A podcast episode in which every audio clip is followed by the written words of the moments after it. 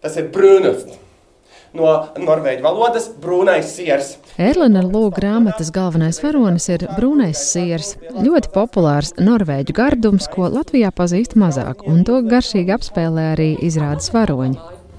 Brūns siers, nopietni. Es diezgan bieži ēdu sieru, bet es, piemēram, nekad neko neesmu dzirdējis par brūnu sieru. Es šodien brokastīs, piemēram, mēdu tilzītes sieru, viņš bija tāds dzelteni balts. Iedvesmojoties no Agatas Kristīna romāna Slepkavība Austruma ekspresija, norvēģu autori radījuši komisku detektīvu stāstu bērniem par brūno sieru, kas ar vilcienu tiek vests uz karaļa pili. Bet ceļā atklājas, ka uz smalkā siera kāds ir ļaunprātīgi apsēdies. Tiek izsaukts detektīvs Fluffenbergs un nopratināti pasažieri.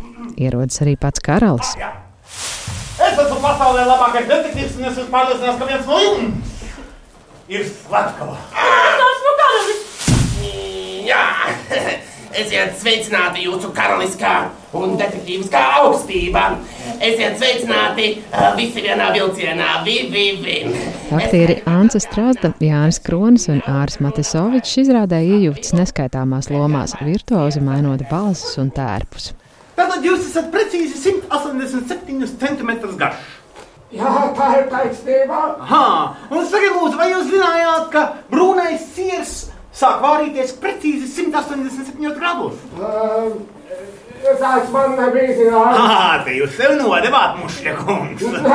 no nelielās komiksu grāmatas mākslinieki uzbūvējuši dinamisku stundu garu stāstu ar izmeklēšanām, atmaskošanām un humoru gan bērniem, gan pieaugušajiem. Grāmata latviešu iznāca tikai pērn, un es jautāju aktrisei un dramatizējuma autorei Ancei Strasdai, kā tā piesaistīja kvadrifrānu uzmanību. Mums ar Liels un Mazs izdevniecību diezgan sen ir sadarbība. Ļoti sen. Viņiem uh, regulāri ir pasākumi, kur ietvaros mēs esam kā aktieri ierunājuši viņu jaunizdotās grāmatas. Fragmentus. fragmentus no jaunizdotajām grāmatām. Jā. Un jā. tieši tas bija, liekas, pagājušā gada kaut kāds pavasaris kad uh, mums bija jāierunā atkal fragmenti no grāmatām, un latviešu viņa vēl nebija izdota. Viņa, bija, viņa mums iedeva ierunāšanai tulkoto manuskriptu. Un mēs tik nenormāli smējāmies to darot, ka mēs uzreiz Alīsai uzrakstījām, ka mēs piesakāmies, ka mēs gribēsim šo grāmatu iestudēt, tad, kad viņa iznāks. Tā, tā ideja par to, ka mēs to gribam darīt, bija pirms Latvijas auditorijas sastap šo grāmatu publiski, jo mums viņa ļoti, ļoti patika. Ancis pieminētā Alīsa ir izdevniecības liels un mazs vadītāja Alīsa Nīgala, no kuras vēlāk uzzinu, ka kvadrifrona iestudējums detektīvu komiksam par brūno sieru, kura oriģināls norvēģiski iznāca pirms trim gadiem, ir pasaulē pirmā šīs grāmatas skatuves versija.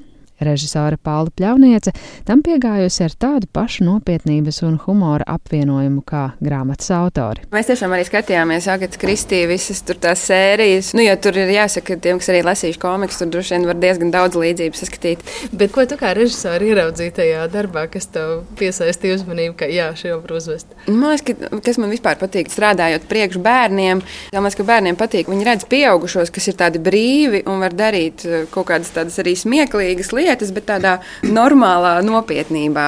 Nu, ka nav vienmēr tas pieaugušais kā tāds skolotājs vai mācītājs, kurš zina labāk, bet tāda brīva daudzīšanās. Bet tajā pašā laikā, kā jau detektīvā, ļoti strukturēta, nopietna. Un, protams, arī runā par tādu, ko paņemt līdzi, kas man liekas ir forši, ka tāda nu, domāšana kā lieta, ka ir kaut kas noticis, un tu par to domā, un tu to atrisini. Nu, kas man liekas tāda kaut kāda kritiskās domāšanas. Skaidrs, ka Fluffenbergam varbūt viņa pārāk labi nepiemīt, jo tie jautājumi, ko viņš uzdod, ir gan absurdi.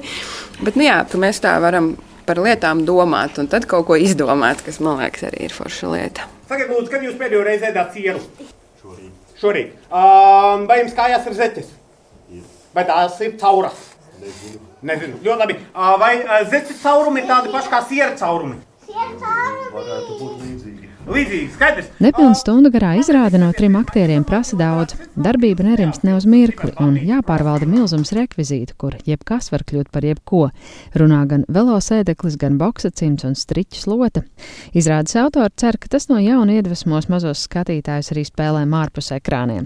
Āris Matasovičs, Paula Pļavniece un Jānis Kronis. Pāsts ir tik inčīgi, paņemt vienkārši matraci vai vienkārši spilvenu, un tas pārvēršas par kaut ko citu. Nu, tā kā atgādināt viņiem, ka ne jau visu laiku ir tikai tā mūtene, bet tu pats vari radīt to mūteni un ar visu to, kas tev mājās. Nu, mums tur ir dažas lietas, kas ir, protams, varbūt tās ne visiem mājās, kā helikopteristu austiņas vai nu, kaut kas tamlīdzīgs, bet, bet tāpat tās jā, helikopteris var būt ar zeķi. Un...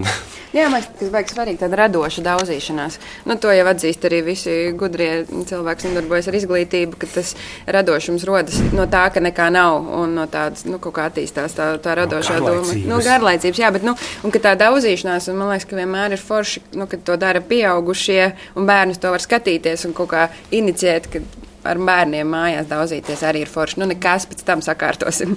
Bet ko tas prasa no aktieru šādu dinamisku bērnu izrādi? Ļoti daudz enerģijas prasa un uh, kāda trauma pat ceļām mēģinājuma procesā, bet uh, jā, nu, laikam, tas ir tas, tas prieks, vienalga, kāds tu šodien esi, ir jābūt tas prieks un tā enerģija daudzīties. Un, Nu, tas ir ļoti nu, koncentrēts. Nu, cik mums ir stundā? Nu, 53, nu, jā, tajā laikā tev ir jāspēj salikt to visu savas dienas prieku un enerģiju kopā.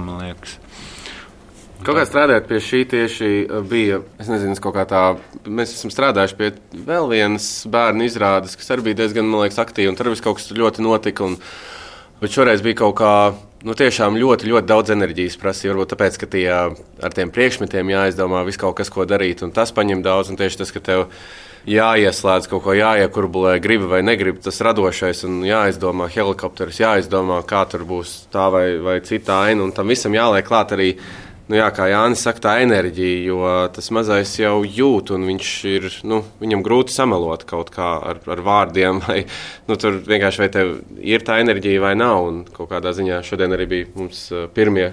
Pirmie skatītāji, un tu dabū atpakaļ atgriezenisko to saiti, redz, ka viņš priecājās par to, kā brūnais iers lido helikopterā. Man ļoti patika brūnais iers lidoja ar helikopteru. Ar helikopteru, jā, tev patika helikopteru. Un kas vēl tev patika? Man patika brūnais ies brauc ar vilcienu. nu, man liekas, šo izrādu var nākt ar bērniem vai bez bērniem.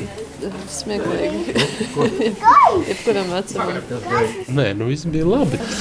Nu, vienīgais, ka varbūt priekš bērniem teiksim, ir atsevišķi, kas nesaprotams būs tās burvīgie sieru nosaukumi.